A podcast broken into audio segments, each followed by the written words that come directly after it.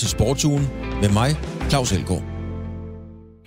Det er nemlig rigtigt, og velkommen til Sportsugen, og vi har igen udvalgt en række historier fra ugens løb, som vi mener skal have mere opmærksomhed, eller måske betragtes fra nogle helt andre vinkler.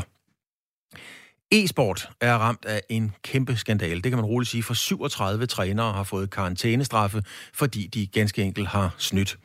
Så må man sige, at der er eufori på Færøerne, og det er der, fordi at Klaksvig kun er én kamp fra at kunne kvalificere sig til gruppespillet i Europa League. Den amerikanske basketballturnering, det der hedder NBA, er i gang med finalerunden. Den første kamp blev spillet i nat. Og hvis man tager et knæ ved OL i Japan til næste år, så risikerer man rent faktisk at blive smidt ud af den store begivenhed. Vi har talt med Paul Erik Højer, der sidder i den internationale olympiske komité. Tennisspilleren Clara Tauson slog øh, sensationelt verdens nummer 25 i første runde ved French Open. Badminton ligger til gengæld stille, og det betyder, at nogle danske verdensstjerner er nødt til at bidjobbe for at kunne betale husleje. Vi starter med e-sport. E-sport er nemlig midt i en større skandale, hvor en lang række trænere har snydt. I alt er 37 CSGO-trænere blevet idømt karantænestraffe, der løber fra, fra cirka tre måneder op til tre år for at udnytte en såkaldt bug i det populære online skydespil. Fejlen i Counter-Strike-spillet har betydet, at det har været muligt at overvåge dele af banen i forbindelse med kampe, og på den måde kunne få kendskab til modstanderens taktik øh, og ageren. Den danske træner, Allan Regin Petersen, øh, der har været træner for Counter-Strike-holdet Mausports, der tidligere ligget nummer et i verden, er en af de øh, trænere, som har fået en straf, og han prøver vi at få fat i lige nu. Men vi skal lige kigge på det juridiske øh, i det først. Der er altså karantæne til 37 trænere i e-sport. Adam Ringsbø Brandt, du er advokat med og, og hos Bertel Rasmussen Advokater og formand for disciplinærudsalget i e-sport i Danmark. Men det er med sportsret, at øh, du, du gør dig, øh, skal vi sige, klog og interessant på det her, Adam.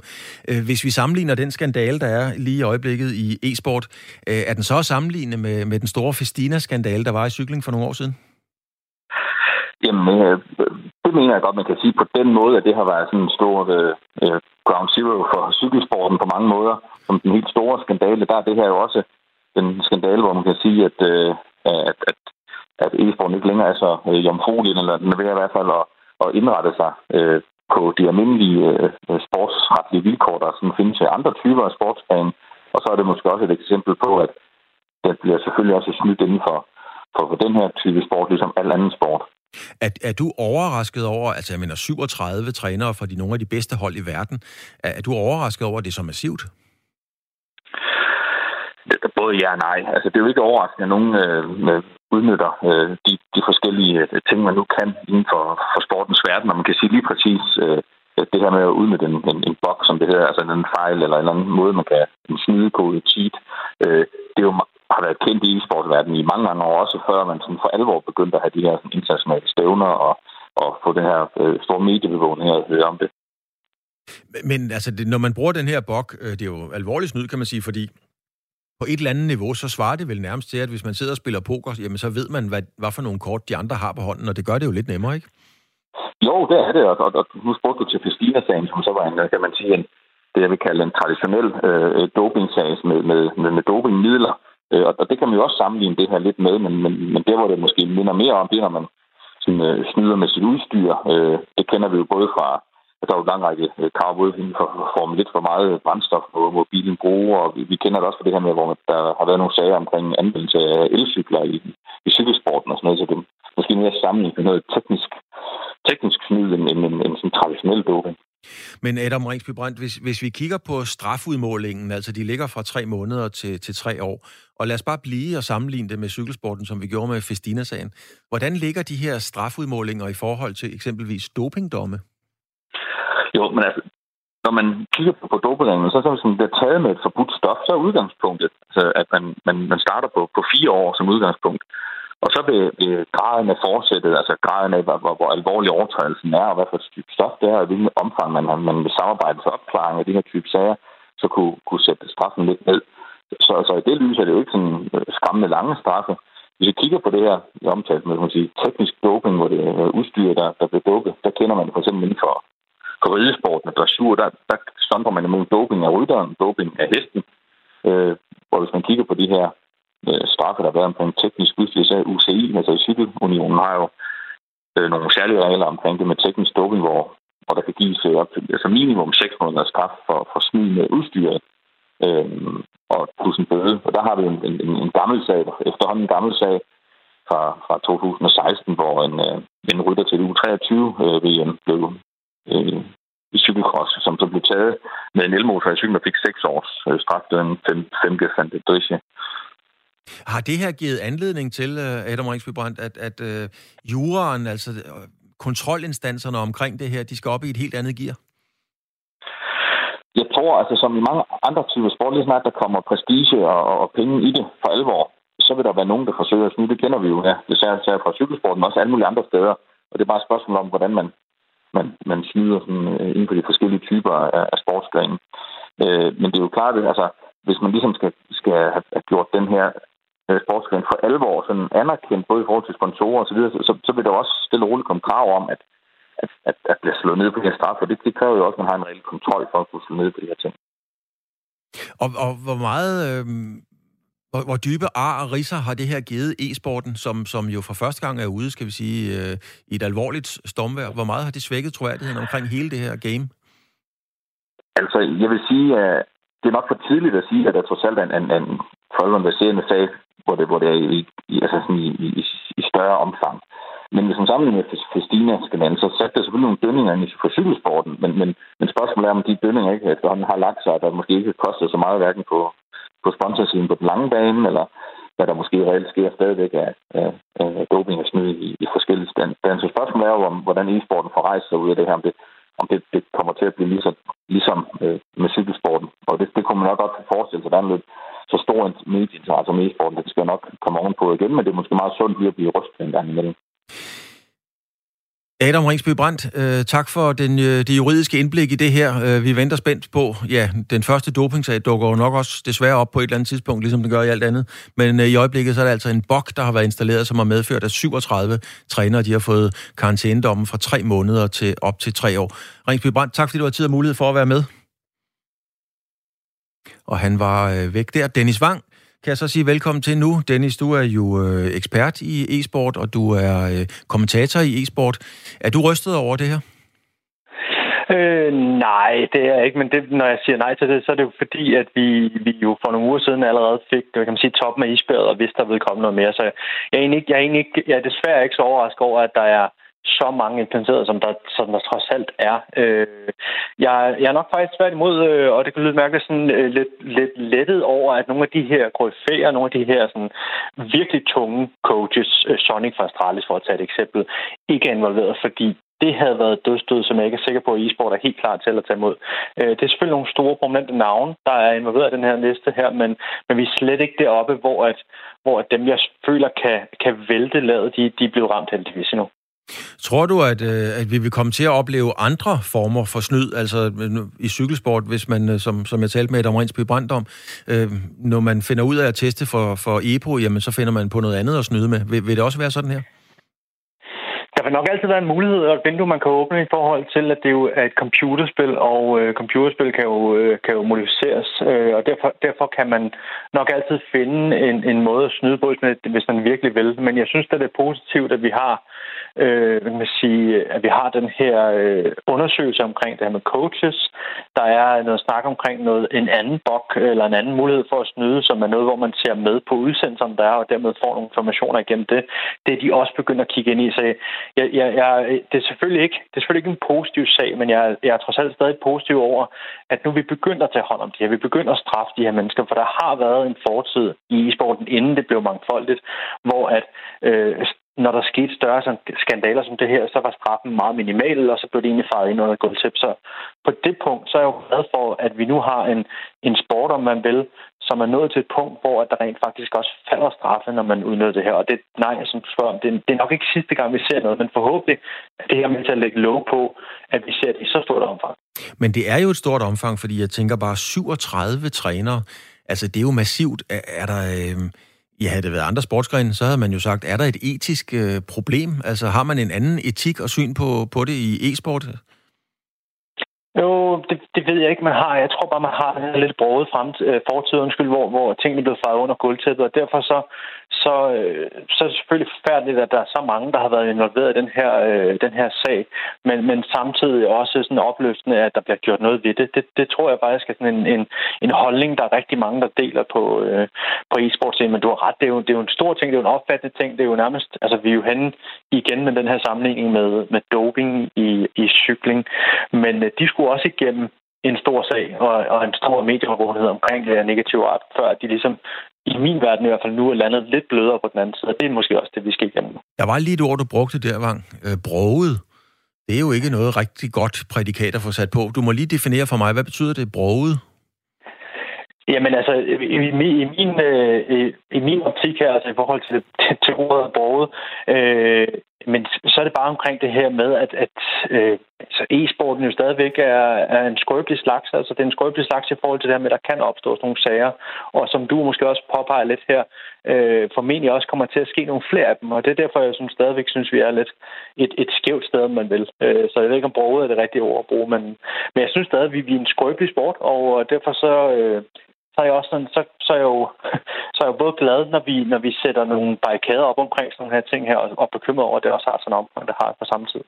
Ja, nu siger du det jo selv, og det er som ikke for at trykprøve dig, men du siger selv broget og et skævt sted og så videre. Det, det virker som om, at, øh, at det her det alligevel er kommet mere bag på branchen, end, end som så. Altså, er man, tror du, at man voksne? Har man rutine nok til at håndtere de her slags ting? Det har man lært desværre i andre sportsgrene. Øh, nej, det tror jeg, altså vi skal være helt ærlige, så tror jeg faktisk ikke, at vi sådan i e-sportsverdenen øh, per definition har rutine nok til at håndtere sådan nogle ting, øh, men det får vi, og det, det, der, det, det er jo også det dejlige ved, at det er blevet, blevet så meget mere mangfoldigt, at folk er kommet ind, øh, blandt andet om sådan nogle typer, der, der øh, bringer erfaringer med fra andre ting. Det tror jeg er sindssygt vigtigt, fordi øh, vi, vi skal nok ikke forklare, at for 3-4 år siden, så foregik turneringerne i sportshaller rundt omkring, og folk sad i deres kælder, øh, nærmest klichéagtigt med leverpostej på brillerne og alt det her. Ikke? Øh, og, og det er jo stadig nogle af de mennesker, der nu sidder i ledende positioner omkring på e-sporten, og de har i hvert fald ikke alle sammen erfaringer. Derfor skal vi drage af den erfaring, der kommer ud fra Kasper Witt fra håndbolden og, og så videre. Øh, det tror jeg helt klart er afgørende for, hvordan vi kommer ud på den anden side, om vi kommer lige så godt ud, som, som jeg synes, cykelsporten måske er kommet. Ikke? Så, så det er klart, at erfaringerne skal være der. Men lad os bare holde fast i cykelsporten, for det er en god parallel at sammenligne med. Altså, mm-hmm. de gjorde jo noget konkret for at prøve at komme dopingen til livs. Hvad synes du, der skal gøres konkret for at komme det her til livs? Jamen her, det her det er et rigtig godt første skridt, det her med at gøre opmærksom på, at man, altså, man, man overvåger sådan nogle ting. Øh, den anden ting her omkring det her med, at der er nogen, der øh, måske måske ikke følger med i udsendelser for at, at, at samle informationer ind i kampene. Altså en coach, der for eksempel ser kampen på tv samtidig for at se, om de kan øh, opsnuse noget derigennem. Øh, det er jo også en god ting at begynde at åbne. Så det er noget med at begynde at åbne de her Pandoras æsker, der ligger rundt omkring, og, og gøre opmærksom på, at man også, man også gør det. Øh, fordi at, jeg vil ikke sige, at der har været frit spil før, men der har ikke været konsekvenser nok før, og de er måske begynder at komme nu, og det er sindssygt vigtigt, fordi vi er gået fra, at det er et hygge, hobby, øh, projekt, til at det er så folks levebrød, og det gør lidt mere ondt, når man så rent faktisk også bliver straffet. Vi bliver lige ved med konsekvenser og straf. Det er meningen, vi skulle have haft Allan Petersen med, der er tidligere træner for Mausports på et tidspunkt, hvis, øh, hvor de lå nummer et på, på verdensranglisten. Ja. Nu har han så fået øh, de her 19 øh, måneders karantæne. I cykling har vi set cykelryttere få dopingdomme. Når de er udstået, har de fået en kontrakt og endnu flere penge på et endnu større hold. Er, er Allan Petersen færdig som træner i det her, eller glider han bare ind, når den er udstået? Jeg kunne godt forestille mig, at en spiller øh, som Allan, eller undskyld, en træner som Allan godt kunne være færdig, fordi at, øh, han har selvfølgelig nogle meritter i at have været med i toppen, men hans, han har ikke en, en stor fortid som tidligere storspiller og alle ting, og hans, hvad kan man sige, hans navn, hans brand er måske ikke så stort, så han kunne godt i princippet øh, have brændt sin bro fuldstændig. Øh, så er der jo så nogle andre, som jo også er berørt. Øh, hunden fra Heroic blandt andet, øh, som Heroic jo allerede har været ude at sige, at han får stadig en rolle her, indtil han har udstået sin straf, og så kan han være aktiv igen. Og, og den type er der jo også, hvor man siger, at der er stadigvæk en, en, en fremtid for dem. Øh, det spørgsmål så, om fansene også køber den, det, det, det er jo en helt anden snak. Altså, er det sådan ligesom i cykelsport, øh, at hvis de egentlig er gode nok, så skal der nok være arbejde til dem? Ja, det er det jo desværre. Øh, og nu siger jeg desværre, men det er jo fordi, at man kunne jo godt nogle gange tænke sig, at, øh, at, øh, at konsekvenserne var større, når, vi, når det også går ind og rører, kan man sige, e-sporten så meget, som det gør. Men jeg tror, du er fuldstændig ret. Det er fuldstændig som i cyklingen og alt andet sport, at hvis du er dygtig nok, så øh, de fejl, du har lavet, dem bliver der lige kigget lidt til højre for. Ikke? Og det, det tror jeg også gør sig gældende i e-sporten. Det kommer det til. Har, det her, øh, har den her sag, altså der har jo været snak om, øh, bliver det her lige pludselig et olympisk øh, disciplin og så videre. Hvor, hvor kommer det til at arrangere? Har det her sat e-sporten nogle år tilbage i den sammenhæng, tror du? Ja, det kunne man godt frygte lidt. Øh, jeg er ikke, jeg er ikke så bekymret, når vi kommer til sponsorater og alle de andre ting her, men det er klart, at den her sådan, umodenhed, når man vil, fordi det, det synes jeg jo lidt, det er, øh, den kommer lidt til syne, når sådan nogle sager her er, og, og det, det, det sætter måske en streg under, at der er nogle år endnu, før at vi kan komme derop, hvor at, øh, der, der er jo altid den evige debat om, det er en sport, men hvor vi i hvert fald før vi kan komme op og måle os med det, vi kalder sport. Altså i forhold til det her med, som du nævner tidligere, det her med, er der erfaringen inde i ledelsen i e-sporten øh, til at løfte det her forbi det her. Øh, så jeg, jeg kunne godt forestille mig, at det her det er nogle konsekvenser, der er lidt større end bare, at der er nogle mennesker, der har mistet deres arbejde i virkeligheden. Dennis Wang, øh, kommentator og e-sports ekspert. Tusind tak, fordi du havde tid mulighed for lige at få rist den her sag op for os, og så skal jeg lige igen sige, at øh, vi havde egentlig en aftale med Allan Petersen, tidligere træner for Magsports, som altså er blevet dømt i den her sag. Øh, og vi har, så det er ikke en kritik af dig, Allan Petersen, vi har nogle tekniske problemer, så vi kan simpelthen ikke få fat i dig. Tak fordi du havde mulighed for at være med, Vang. Det er selv tak. God dag, du. I lige måde.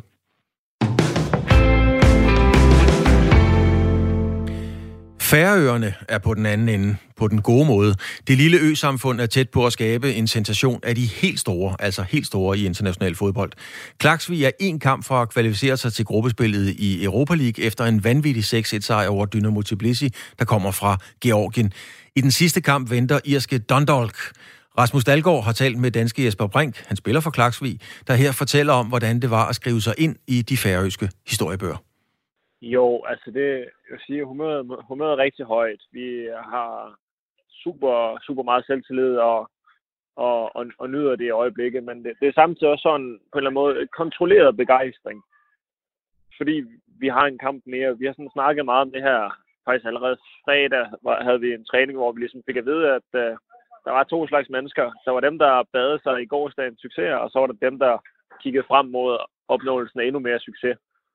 Øh, og vores træner manede sådan til besindighed og sagde, øh, om 10 år kan I sidde og kigge tilbage på den her kamp og, være stolte af den. Lige nu har vi en, øh, en opgave, der er endnu større og endnu vigtigere. Og, og det er vigtigt, at vi har fuld fokus på den og ikke, øh, ikke nyder os selv for meget. Så, så selvfølgelig er vi, er vi glade og stolte over det, vi har gjort. Men vi venter nok lige, øh, måske i hvert fald til den anden side af weekenden, for at kigge alt for meget tilbage på det. Det, det har selvfølgelig givet selvtillid at vende sig til, det, det er klart. Øh, møder en, øh, en velkendt modstander, spiller en øh, fantastisk kamp, alt lykkes. Så, så selvtillid og, og godt humør, det er der i hvert fald, men, men som sagt, en lille smule afdæmpet. Det, det er med hele tiden at, at have øje, øje på målet, og så sige mig selv, ja, det var fedt, vi gjorde det her, det var fedt, vi skrev historie, både med en øh, stor sejr og komme længst indtil videre i, i færøsk fodboldhistorie. Så på den måde, så, så ved vi godt, at præstationen den er stor. Men vi ved også godt, at det her det er en unik mulighed for at gøre det endnu større, gøre det endnu vildere. Og, og, og det, vi føler lidt, det er en mulighed, vi er nødt til at gribe, og derfor også være fokuseret på, øh, på kampen og forberedelserne, og, og netop gøre det bedst muligt, så vi har de bedste forudsætninger for at kan lave et resultat i morgen. Hvordan ser du jeres muligheder?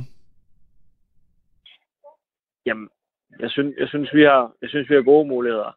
Det, det, er ikke, det er ikke AC Milan, det er ikke Tottenham, det er heller ikke øh, Young Boys, som vi mødte i, i Champions League.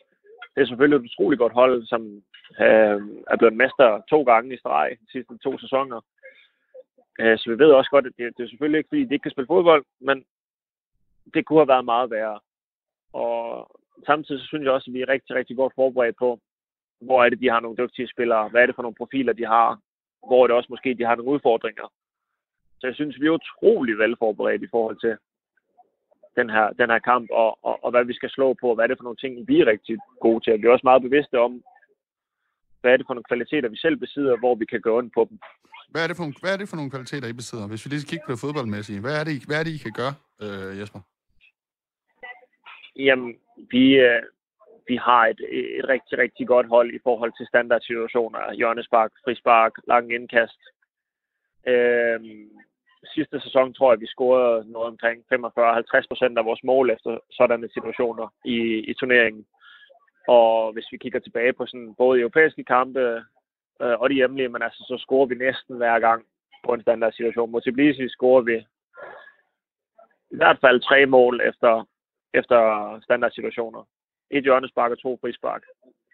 Og så er vi rigtig gode på kontraangreb. Vi, vi, vi er dygtige til at forsvare os selv og sætter en kæmpe ære i sådan, øh, at forsvare eget, eget mål og egen boks. To ting tilbage, Jesper. Jeg skal lige høre, øh, jeg læste en øh, sjov historie, hvad efter 6-1-sejren der, da I kom hjem til øh, Klaksvik. Øh, kan du ikke fortælle lidt om, hvordan øh, det var, I blev taget imod der? Jo, altså det, det, det var en helt fantastisk modtagelse. Det startede jo med, at øh, da kampen er færdig i, i Torshavn, for vi ved, at I skal lige huske at tage en jagt på, og der, der vil nok være nogle fans på stadion, der, der, der vil tage godt imod jer, når I kommer tilbage. Det siger sådan, jamen, der, der er nok nogle stykker. Klokken den er jo den er 11, halv 12, inden vi kommer tilbage til Klaksvik. Så vi har selvfølgelig regnet med, at der var nogen, og vi vidste godt, at fansene var passionerede, men det, der sker, det er, at øh, langs sådan indkørslen ind til byen, der har de så parkeret, øh, jeg ved ikke, hvor mange lastbiler, der, der dyttede, mens vi kørte ind. Samtidig med, at de i den første rundkørsel lige øh, inde på byskiltet, og står med nødblus, romerlys og, og hvad ved jeg i rundkørslen, mens vi, mens vi kører rundt der og, og, ligesom har gang i alt det her øh, fyrværkeri, mens, mens vi kører ind i byen. Og, og ja, altså, det, det, det, var, det var helt unikt at komme til. Og så samtidig så kører vi 200-300 meter videre og kommer ind på stadion. Så så endnu flere mennesker. Hele, hele til byen på, på, på langsiden er fyldt med mennesker, der ligesom vil være med til at fejre det her. Ligesom øh, vil, vil sige tillykke til holdet. Og det ender jo i fællessang. Ja, vi er der en time, tror jeg, hvor vi synger og hygger med fansene og speakeren på kampen råber også alle målskårene op igen, når de træder frem en efter en, når de bliver nævnt. Uh, og det bryder et jubelbrøl ud hver gang, ligesom, ligesom de har scoret igen. Så, så det var helt, helt enestående, et helt enestående øjeblik, og, og en kæmpe ros til, til ja, folk i byen og fans generelt for ligesom at, at, at gøre det for os. Klokken, det, er jo, det er jo midnat, inden vi er færdige, og folk skulle op og arbejde dagen efter, men for dem var det meget vigtigt at, sådan at komme og sige tillykke til os, så det, det, bliver man, det bliver man stolt af at opleve sådan nogle øjeblikke. Lige her til sidst, så skal jeg også lige høre, hvad det lyder som om, at de er blevet taget imod som øh, helte i Klaksvik, og de er rigtig stolte af med god grund. Hvad med, hvad med resten af færøerne? Altså, hvordan, øh, hvor stor opmærksomhed er der omkring den her præstation, I har bedrevet, men ikke mindst kampen i morgen?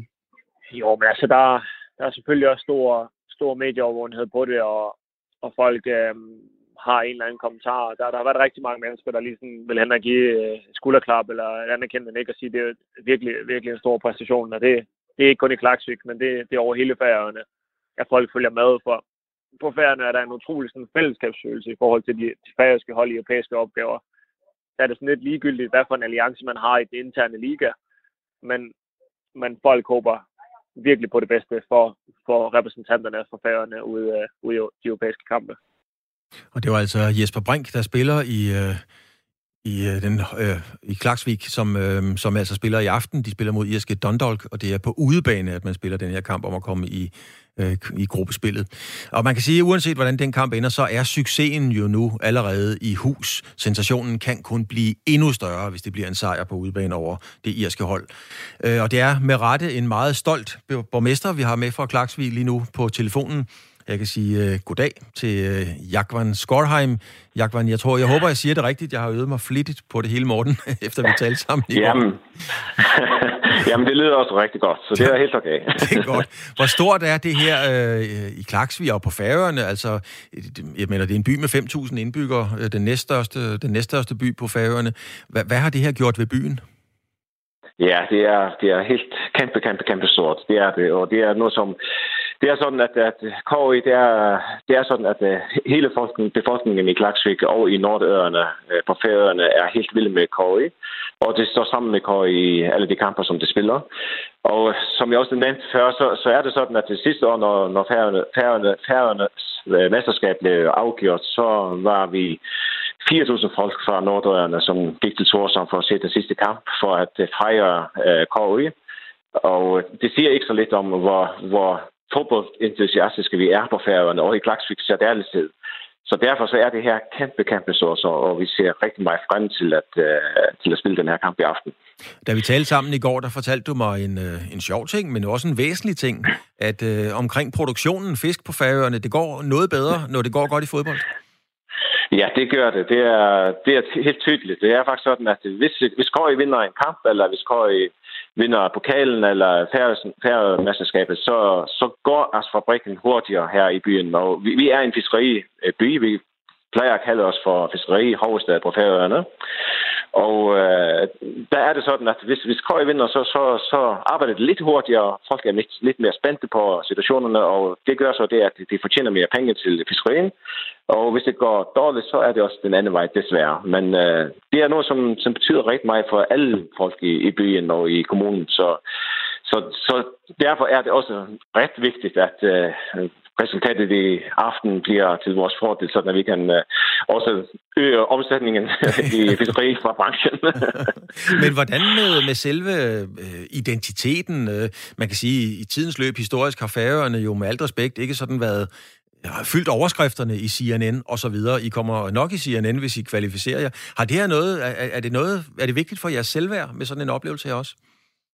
Ja, helt sikkert. Det er for, for spillerne og for, for befolkningen her på, i Klaksvik og på, og på Færøerne, så kan man ikke være andet end stolt over at de præstationer, som de har lavet allerede nu. Og skal vi så komme videre i gruppespillet, så, så er vi helt vildt stolte af spillerne og, og, og, og manager og coach og alt det der. Så altså, den betydning, som den her sejr kan komme til at få, den, det er lidt overskueligt i øjeblikket, fordi man ikke er helt klar over, hvordan det kan udarte, udarte sig. Men jeg er temmelig sikker på, at øh, det vil gøre Færøerne og Klaksvik mere kendt øh, omkring i verden.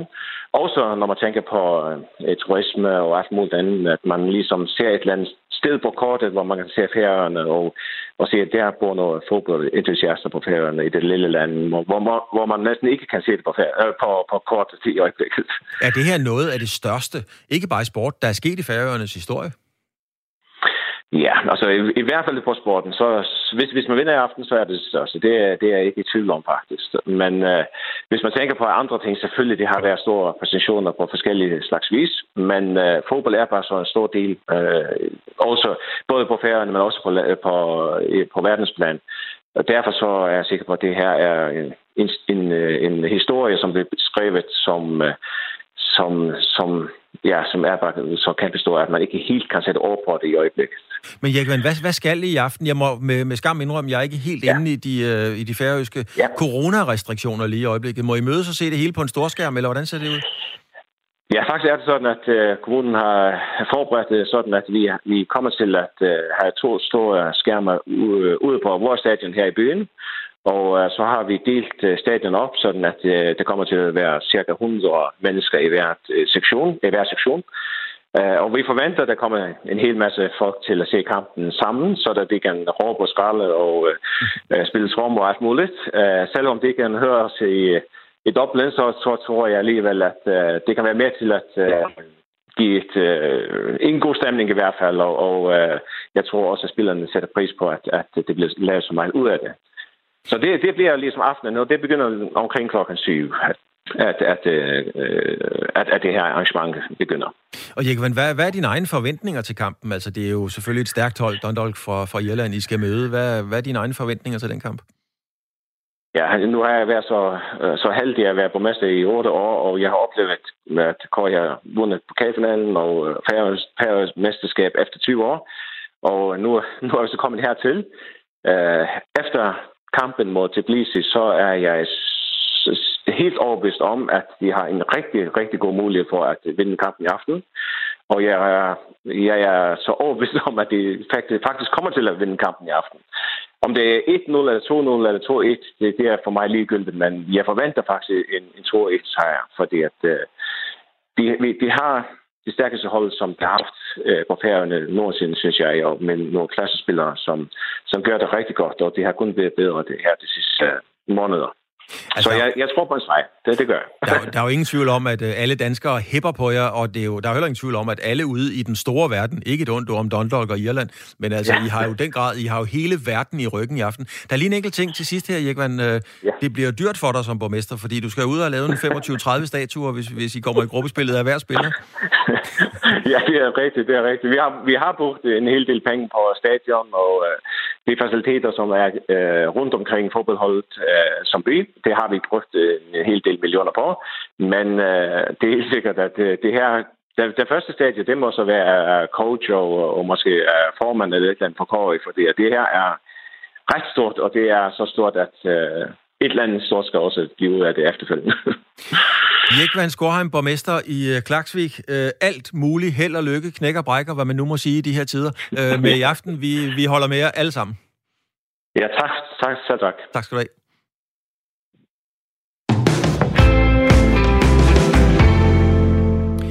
Finalen om det amerikanske mesterskab i basketball er i gang. NBA, der spilles bedst af syv kampe, som altid, og finalen er opgør mellem Los Angeles Lakers og Miami Heat. Den første kamp blev spillet i nat dansk tid med en sejr på 116-98 til Lakers. Morten Stig Jensen, du er god ven af programmet. Først og fremmest så er du NBA-ekspert TV2 øh, hos TV2 og Forbes. Øhm, hvad, hvad fortalte det første opgør øh, dig som, øh, som ekspert? Hvem, øh, hvem er favorit, efter du har set det første? Og men det er Los Angeles Lakers, og jeg, jeg vil faktisk håbe på den påstand, at de også var favoritten inden serien, men, men efter den øh, fuldstændig dominans i nat, samt det faktum, at tre Miami Heat-spillere blev enten småskadet eller storskadet faktisk, så ligger Lakers simpelthen bare endnu klarere i svinget. Altså, de er virkelig, virkelig dygtige til at presse tempoet, tempoet, styre tempoet. De er store under kurven, de er hurtige ude på distancen, de har fået skytterne i gang. Så alt lige nu, det, det spiller bare på Lakers præmisser, og det, det kommer til at være en, en enorm svær serie for Miami Heat, hvis de skal prøve at komme tilbage. Øh, deres point guard, Goran Dragic, gik ned her i nat med en, med en ankelskade, mener jeg det var, og øh, kunne godt risikere at misse hele serien, og han var altså en, en, en vital del af deres hold scoringsmæssigt, og, og til at håndtere bolden og sætte angrebet i gang. Og det betyder simpelthen nu, at spillere som, som Jimmy Butler skal til at tage mere over, og, der er spørgsmålet bare, at, at det nok har Miami han nok nu i, øh, i pistolen til at kunne, øh, kunne sende Lakers til tælling, og det, det tror jeg simpelthen ikke. Hvad med hele uh, finale-serien her, altså bedst af syv? Det har jo været en, en, en afvikling i en boble. Kan, kan, du, kan du se noget andet? Er der nogle andre ting at lægge mærke til i finale-serien her? Altså er de ved at være møre, så at sige, efter at have været i en boble så lang tid? Ja, mentalt kan man godt mærke, at nu, nu vil de snart gerne videre. Øh, det, det er jo klart. Der er mange af dem, der savner familiemedlemmer. Så nogle familiemedlemmer er faktisk kommet med ind i boblen nu, og det har givet lidt liv, men, men de er klar efter sæsonen er slut til ligesom at så sige, det var det. Var det. Og, øh, og nu vender vi tilbage til, til en forholdsvis normal verden, så at sige. Øh, men, men med det sagt, så vil jeg sige, at jeg synes stadigvæk, det er utroligt at, at se, hvordan humøret er øh, i den boble, fordi der er stadigvæk meget positivitet at finde, og øh, engagementet er stadigvæk højt på banen. Altså, de her spillere har virkelig vist, at de har været i stand til at øh, ja, no pun intended, men isolere hele det der øh, isolationsbegreb og så sige, jeg, jeg fokuserer på spillet, jeg fokuserer på, hvad der skal ske på banen, og alt det, der foregår omkring mig, omkring frustrationer øh, med coronavirus og Black Lives Matter og alt det her, det er selvfølgelig noget, som, som der sidder i baghovedet på os alle sammen, men jeg er også i stand til at levere mit bedste på en bane. Øh, og, og de her spillere har virkelig været meget igennem i år. Det har jo været den underligste NBA-sæson nogensinde. Så, så jeg er dybt imponeret over deres viljestyrke gennem hele den her sæson. Ja, netop det faktum, at det har været den mærkeligste NBA-sæson nogensinde, øhm, og, og det er en, en underlig tid i øvrigt, vi, vi lever i. Øh, er det vigtigt for, for basketballsporten, at det netop er Lakers, som der jo er noget mytisk over på en eller anden måde? Der, der er noget mytisk, der det er godt for fodbolden, når Brasilien bliver verdensmester. Er, er det godt for, for basketball, at hvis det er Lakers, der vinder? Ja, der en lille smule vil jeg faktisk sige. Altså, normalt så, så, så vil jeg sige, at det egentlig ikke kommer an på det. Men lige her i år, der kunne man faktisk godt gøre, lave det argument, især fordi, at Kobe Bryant jo mistede livet her tidligere i år, og han var jo en Lakers-legende, så det kunne, det kunne godt give noget til Lakers-fanbasen, som, som jo har virkelig været emotionelt påvirket af, af, af den her spillers død. Altså, vi, jeg, jeg har utroligt mange øh, mennesker i mit netværk, som, som er Lakers-fans over i USA, som fortæller mig, at de har venner og bekendte, som har været Lakers-fans i, i 30 plus år, som faktisk blev nødt til at gå til psykolog efter, at Kobe han, øh, han gik bort, øh, fordi det simpelthen var så stort et personligt tab for dem, fordi de havde, de havde fulgt ham i, i 20 år. Så på grund af det, så tror jeg, at hvis Lakers vinder her i år, så, så er det et, et lille... Jeg kan ikke sige plaster på såret til, til sådan en tragedie, det kan man selvfølgelig ikke sige, men forstå mig ret, det giver noget i den anden ende, der, der kommer til at være noget at fejre for en gang skyld for, for Lakers fans. Så det tror jeg betyder noget i allerhøjeste grad, ja. Hvis vi lige kigger på selve spillet på banen, så har vi tidligere talt om, at der på et tidspunkt i hvert fald var flere trepointscoringer, der, eller trepointsforsøg, der lykkedes. Og det var noget med omstændigheder og syn og vision og, og alt det der. Er det stadigvæk sådan? Altså er der stadigvæk flere trepointsforsøg, der ryger i? Det, det er sådan, nu er det begyndt at jævne en lille smule lidt mere ud, men der har været en periode, hvor at det virkelig var meget dynamisk. Og det skal siges, her under slutspilsregi og, og finaleregi, der bliver forsvaret altid en lille smule mere aggressivt. Det, det er noget andet, når at man spiller et grundspil og slutspil. Øh, og, og der kan man simpelthen bare ikke få de samme skud udefra, som man kan i lidt mere løst øh, grundspil. Så vi, vi ser procenterne begynder at dale en lille smule for nogen, hvor at andre, der, de har lidt nemmere ved at få gang i den. En Tyler Hero fra Miami for eksempel øh, var brandvarm i conference-finalerne mod Boston, og altså, kunne nærmest ikke miste derudefra. At, så vi ser stadigvæk nogle af de her situationer, hvor der er nogen, der brænder igennem. Øh, miljøet der i, i den boble er jo sjovt. Der er jo ikke de der publikum, og for nogen, der hylder det fuldstændig ud, og for andre, så tænker de, fedt, der er ikke nogen, der sidder og vifter med alle mulige ting og sager i baggrunden, så det betyder, at jeg har et klart skud lige til ringen.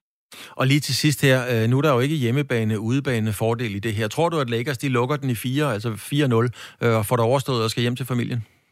Jamen altså, her forleden der forudså jeg, at Lakers ville tage den i 4-2, men på grund af de skader, nu skal vi jo lige afvente rapport på, hvad der egentlig sker, fordi hvis, hvis to af de vigtigste spillere her, altså Goran Dragic og Bam Adebayo, hvis de kommer til at miste tid i finalerne, så tror jeg, at det godt kunne blive en 4-5 kampserie. Men, øh, men hvis det viser sig, at det ikke skulle være så slemt igen, øh, så, så tror jeg stadig, at det vil være en, en 6 kampserie, men intet ved at udelukke på nuværende tidspunkt. Morten Stig Jensen, NBA-ekspert, TV2 Sport og Forbes. Tak fordi, at du øh, indvidede os i finalerundens øh, glæder og mysterier. Jamen, mange tak.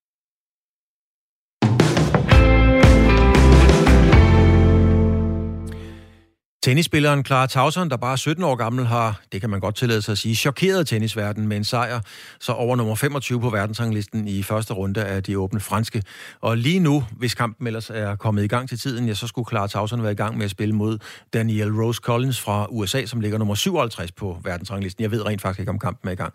Michael Tauson, du er tennisekspert og kommentator, og du er også onkel til Clara Tauson. Først og fremmest, det var en uh, virkelig imponerende kamp, Clara Tauson leverede mod Brady, som altså spillede sig i semifinalen ved US Open. Altså, det er jo sjældent, man ser en så uprøvet spiller levere på den måde, på den helt store scene. Var du lige så imponeret, som, som jeg var, og som tennisverdenen jo formentlig har været? Ja, jeg var, jeg var meget imponeret over det. Altså, jeg, jeg har ikke set hende øh, spille så godt, øh, øh, jeg tror, jeg nogen, nogen, nogensinde før. Øh, jeg vil sige sådan, at øh, det, der imponerede, det var, synes, synes jeg, det der, altså, have, hendes attitude. Hun har arbejdet med sin attitude, var blevet rigtig god i attitude, og hun, øh, hun, hun, hun spillede øh, rigtig god tennis, og så også, at, at hun øh, øh tør at spille, øh, når hun, når hun er presset, og hun tør at, at, at vinde, vinde kampen selv. Øh, altså, der, så der er en masse rigtig gode, øh, gode, gode og positive ting i det, må jeg nok sige. Og man kan jo ikke lade være med, uh, Tausen, og det vil irritere både Vosniaki og Clara. De vil altid blive sammenlignet med hinanden, eller i hvert fald i, i den næste årrække.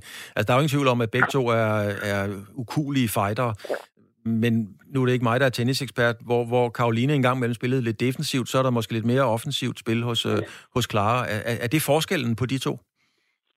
Ja, altså det, det, det er det. Altså det, det, det er to forskellige spiltyper. Øh, øh, Clara er meget offensiv og vil gerne ind og slå en masse vinder, og, og vi kender jo alle sammen Karoline. Karoline var, var, var, var mere kontraspiller, øh, og, og i øvrigt kan man sige, altså Clara bliver sammenlignet med Karoline. Det, det, det er jo det øh, van, vanvittigt flot, øh, og det skal man jo bare være, være, være, være stolt af, men, men jeg synes, at altså, Karoline er et helt kapitel for sig selv. Øh, altså, hun har, hun, har, hun, har, hun har gjort det så godt og, og, og lavet så mange øh, store, store resultater, så, så forklare øh, der kan mindre chance gøre det, men det er da dejligt at få at vide af, af eksperter og, og kloge til, til tennisfolk, at, øh, at øh, hun har potentiale som Karoline. Og der er jo ingen tvivl om, hun har et stort potentiale, men der er stadigvæk lang, lang, lang, lang vej til Karoline. Så er der hele det mentale i det, øh, Tausen. Jeg kan huske, da Ulrik Vilbæk overtog herrelandsholdet i, i håndbold, der sagde han, at han kan jo ikke lære dem at spille håndbold, men han kan lære dem at vinde.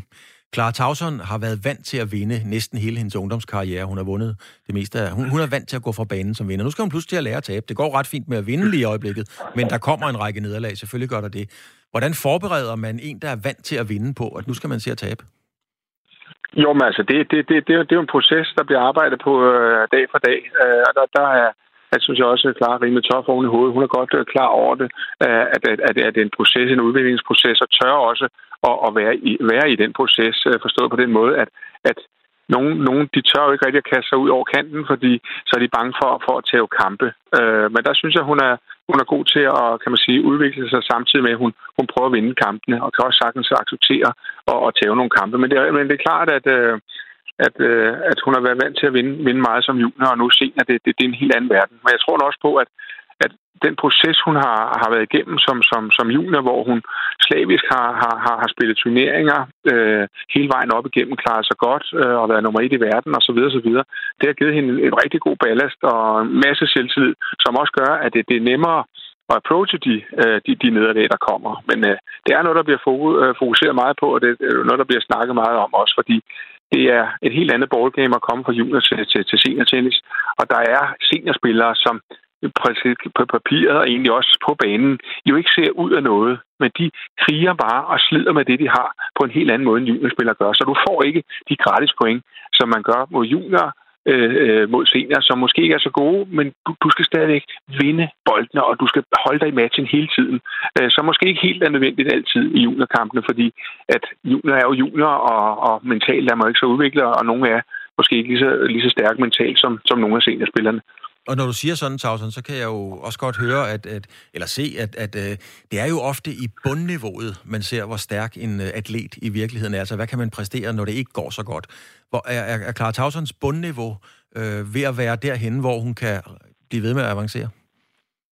Ja, det er det, men, men, men, men, men, men det, det, det skal, øh, kan man sige, øh, Øh, udvikles øh, hele tiden, fordi det er klart, at hun, hun har en, øh, en drøm, og den, den, den er meget ambitiøs om at komme helt op i, op i verdenstoppen. Og der skal bare, der skal bare leveres hver uge. Øh, der, der er ikke plads til at, at lige have en to-tre dårlige uger, vel? Så det er klart, at, at samtidig med, at man, man, man skal finde at spille bedre, hjem, så skal man, have, som du helt rigtigt siger, have, have, have, have bund, bundniveauet med. Øh, så, så man ikke har de der udfald og spiller to rigtig gode kampe, og så spiller man en helt dårlig, og så videre. Så, så, så det, er, det, det, det er helt klart, det er også kunsten at, at få den med, med, del med. Og jo, jo højere bundniveau du, øh, niveau du har, jamen altså, jo større chance er der også for, at du, øh, du, du, du kan blive der, hvor du er. Men nu skal man jo sådan bare tage det step by step, fordi man skal heller ikke glemme, hun er kun, hun er kun 17 år, øh, så det vil sige, nu skal hun jo finde øh, det, det bundniveau, der gør, at hun kan, kan holde sig der, øh, hvor, hvor hun er nu, og så, og så arbejde sig øh, hele tiden fremad og, og, og op ad ranglisten øh, samtidig. Michael Tausen, tak for analysen af Ja, Niesen må det vil være. Det, du er i hvert fald hendes onkel. Øhm, så ja, det, ja, ja. det er spændende på alle parametre lige i øjeblikket. ja, meget. Tausen, tak fordi du har tid til at være med. Det var så lidt. Det er godt. Tak. Hej. Hej, hej, hej.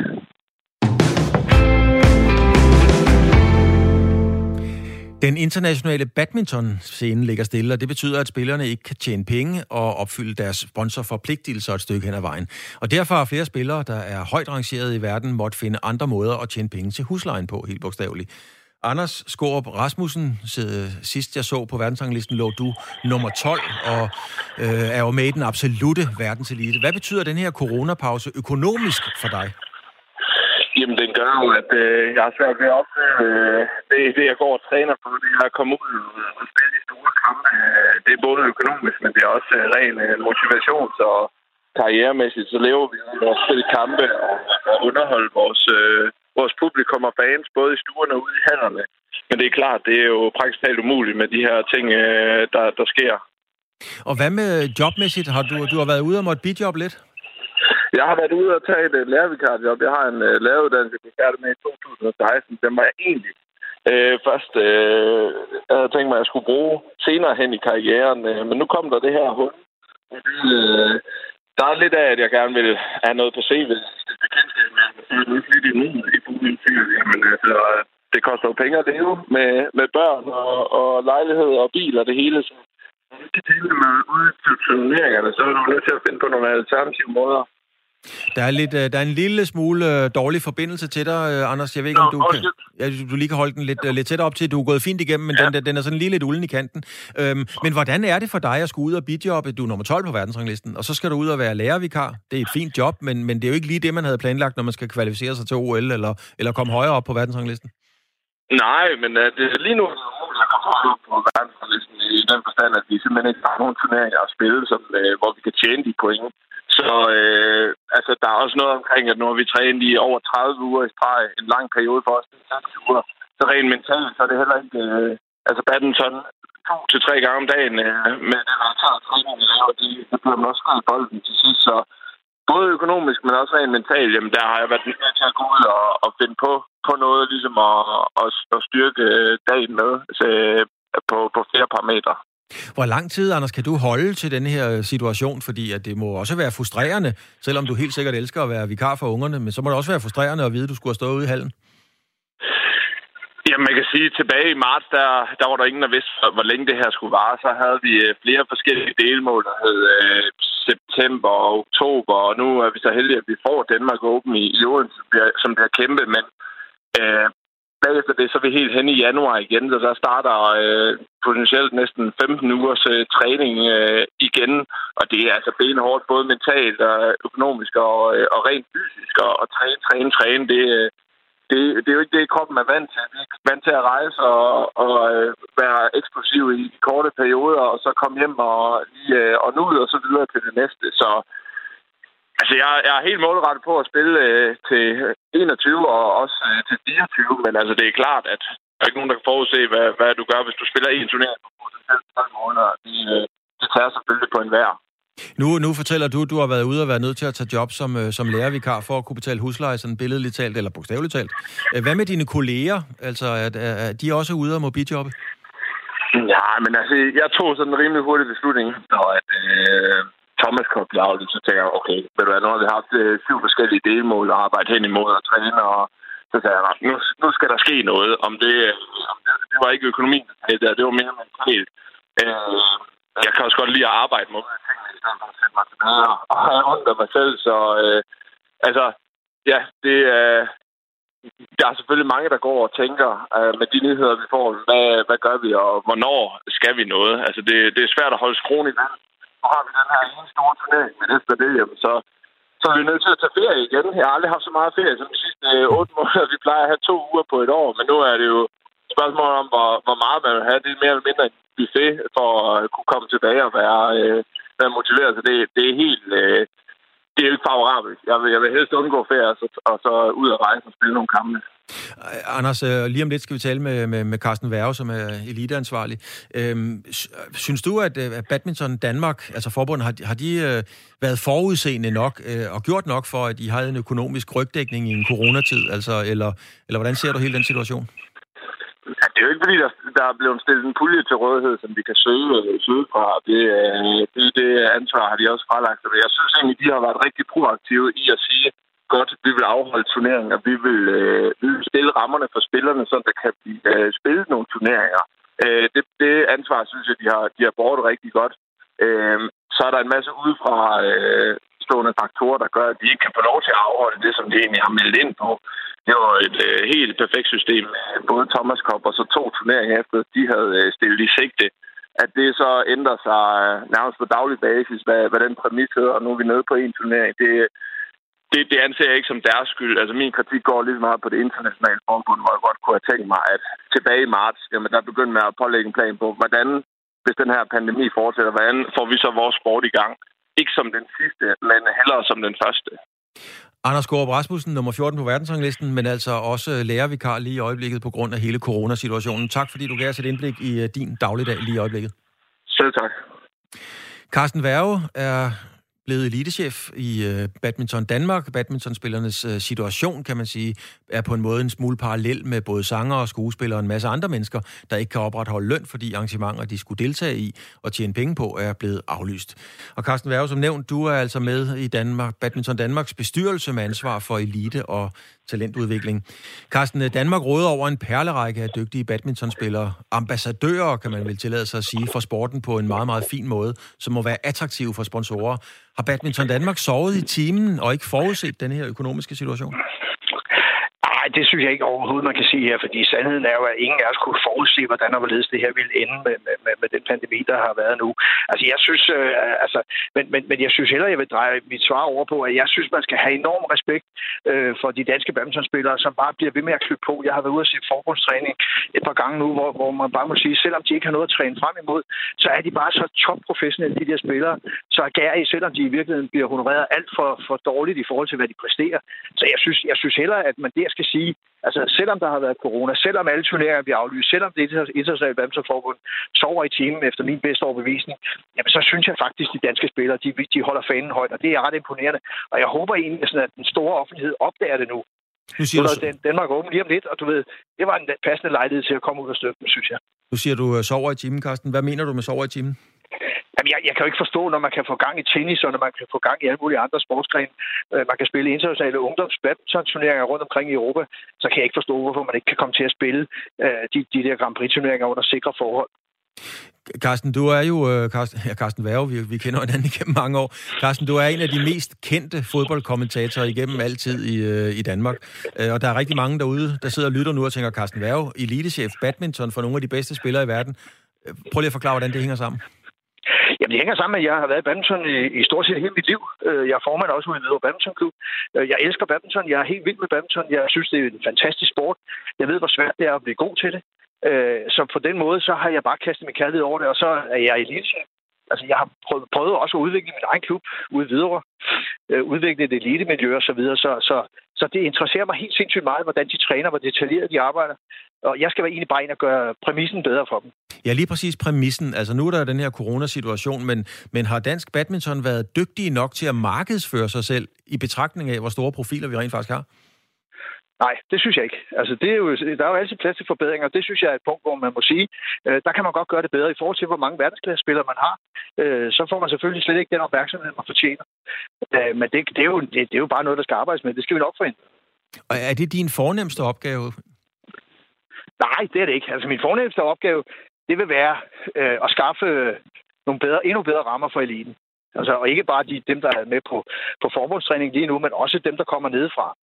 Altså, det, det, jeg skal ind og, og forsøge at gøre vilkårene for dem endnu bedre. Carsten, hvordan, øh, nu er du lige forholdsvis ny som elitechef, men, men øh, hvordan har man håndteret coronasituationen øh, i andre badminton-lande? Jamen altså, det, det har jo været lukket ned. Altså, jeg har en del kontakt til Indien, øh, har haft det gennem et stykke tid, og de, øh, de har jo været endnu hårdere ramt, end vi er. Så, så jeg synes, altså generelt må man jo sige, altså vi ved jo ikke, hvad der sker ude i Asien, for at være ærlig, øh, på badmintonfronten, men, men, men der er ingen tvivl om, at de er også ramt. Alle er ramt af det her. Det vil være mærkeligt andet, men det betyder jo ikke, at man ikke kan prøve at få gang i de der turneringer, så spillerne kan tjene nogle penge. Man kan jo gøre det under sikre forhold. Øh, kunne man forestille sig, Carsten Værger, at man laver en form for fælles front, altså mod det internationale badmintonforbund, altså for at få gang i det? Jeg mener, hvis man får Indien med, øh, Malaysia og så videre, øh, prøver man at samle en gruppe der, og lægger pres på og sige, nu skal der til at ske noget? Ja, det, der vil jeg sige, der har jeg ikke været længe nok i butikken til, at jeg skal gøre mig klog på det. Hvis jeg skal være helt ærlig, så tror jeg, jeg skal, der skal jeg nok holde snuden væk. Det tror jeg, der er andre folk, der er dygtigere til øh, omkring øh, Badminton Danmark og omkring Badminton Europe og, sådan, og i, i badminton-miljøet i det hele taget. Så det vil være forkert, hvis jeg gjorde mig til klog, så, så, som en klog mand til det der, synes jeg. Nu hørte vi lige øh, Skorup fortælle om, at han er ude som øh, lærervikar for at, at få det til at hænge sammen. Er, er der andre fra, fra eliten i, i Badminton Danmark, der er i, i samme situation? Jamen, det er der 100% sikkert. Altså, der er jo selvfølgelig nogle spillere, som tjener øh, rigtig gode lønninger, øh, men så er der nogen, der ligger i det næste lag, og så er der nogen, der ligger i det tredje lag. Og der er jo spillere, som er nødt til at tage privatlektioner og så videre for at få det til at løbe rundt. Men det gør de bare. Det synes jeg også fortæller om det disciplin, de har. Altså, de, øh, de piver egentlig ikke, når man er derude. Altså, det er jo, de klør sgu på. Altså, det, det, det, det, det fortjener så meget respekt øh, den måde, de øh, håndterer det her på, for det er den forfærdeligste situation, de kan havne i jo. De vil så gerne ud og spille nogle turneringer. Øh, de træner op til nogle ting, der hele tiden bliver aflyst. Og alligevel bliver de ved. Altså, jeg, jeg tror, at folk, der kender sport, kan vist godt sætte sig ind i, at det der det er en uhyrlig situation, og alligevel håndterer de det. Og derfor så, altså nu kommer der Danmark åben. Øh, jeg håber sådan, at øh, de danske spillere, de brager igennem der. Der er selvfølgelig nogle lande, der ikke kommer til den turnering, men dem, der kommer, det er gode spillere. Øh, så, så, så det bliver jo dejligt at, at, at se dem på græs igen, så at sige. Lige til sidst, Carsten Værge, sætter det her dansk badminton tilbage? Vi mistede Thomas Kopp, og, og som situationen er nu, altså bliver vi slået, slået tilbage eller slået hjem? Nej, det tror jeg ikke, fordi man har jo stadigvæk det gode træningsmiljø. Altså, det er jo ikke sådan, at de holder op med at udvikle spillerne derude, fordi de træner jo øh, på daglig basis flere gange om dagen. Så, så på den måde nej, men selvfølgelig kan der være nogle spillere, det er jo de jeg frygter, der siger, det her, det kan vi simpelthen ikke få til at hænge sammen på pengepunkten. Øh, vi er nødt til at indstille karrieren. Og det er jo det, vi skal prøve at, at hjælpe dem til, så, så, så de undgår at komme i den situation. Carsten Værge, medlem af Danmarks bestyrelse, af Badminton Danmarks bestyrelse med ansvar for elite og talentudvikling. Carsten Værge, tak fordi du havde tid og mulighed for at være med her til formiddag. Det var en fornøjelse. Så vidt altså Carsten Værge, som fortalte om, at øh, verdensklassespillere i badminton måtte ud og være øh, skolelærer, vikar. Det er et anstændigt job, men det er noget andet end at skulle kvalificere sig til OL. Sportsugen er så småt ved at være forbi. Vi har været forbi e-sport, vi har været på Færøerne, basketball, øh, psyke omkring Clara Tauson, og så her til sidst øh, badminton. Vi når ikke mere, og det er fordi, at der er nyheder, for klokken er 12.